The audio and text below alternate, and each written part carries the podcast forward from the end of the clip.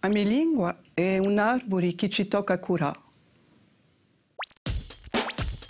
Quando è che vorrei impara a parlare la corsa? È vero che in casa non ci parlavano mica corso, non parlavamo francese, ma eh, sentivo corso. Da parte di mamma parlavano tutti i corsi, parlano tutti i corsi. E dunque da un paese, eccetera. E quando, quando da mi è venuta la volontà di, di parlare eh, corso, eh, beh, mi sono vista che eh, non veniva tanto difficile da fare. E, dunque ho cercato di migliorare la mia espressione, eh, la mia scrittura e questa l'ha giovata, l'ha giovata massimo per via di canzoni eh, che erano negli anni 70, dunque era facile.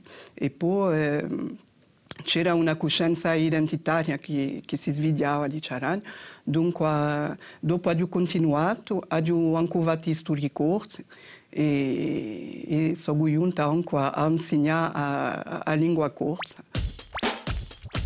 Quando la dublate a lingua corsa? Allora, prima con i miei figlioli, che ho vissuto che il corso fosse la sua prima lingua, la sua lingua materna, dunque non parliamo mica corso tra noi. Eh, dopo il lavoro, con i miei colleghi, eh, Massimo che bon, sono un professore di corso, dunque eh, l'adopero con tutti, tutti gli altri professori, ma anche certi colleghi che non sono mica professori di corso, anche di razia. Chi rappresenta per voi la lingua corsa? È veramente una rarichera a, a statara, a, a Corsica, eh, a bon, chi fudi, quindi chi canaista, so. dunque è veramente una lea con a terra. Come dite la bene di lingua corsa?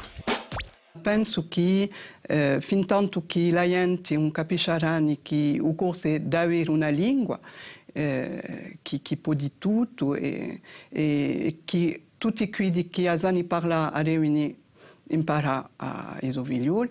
Penso che fin tanto che mica qui sarà da difficile di, veramente di avanzare, ma eh, so, eh, una speranza tamanta in, in la vena.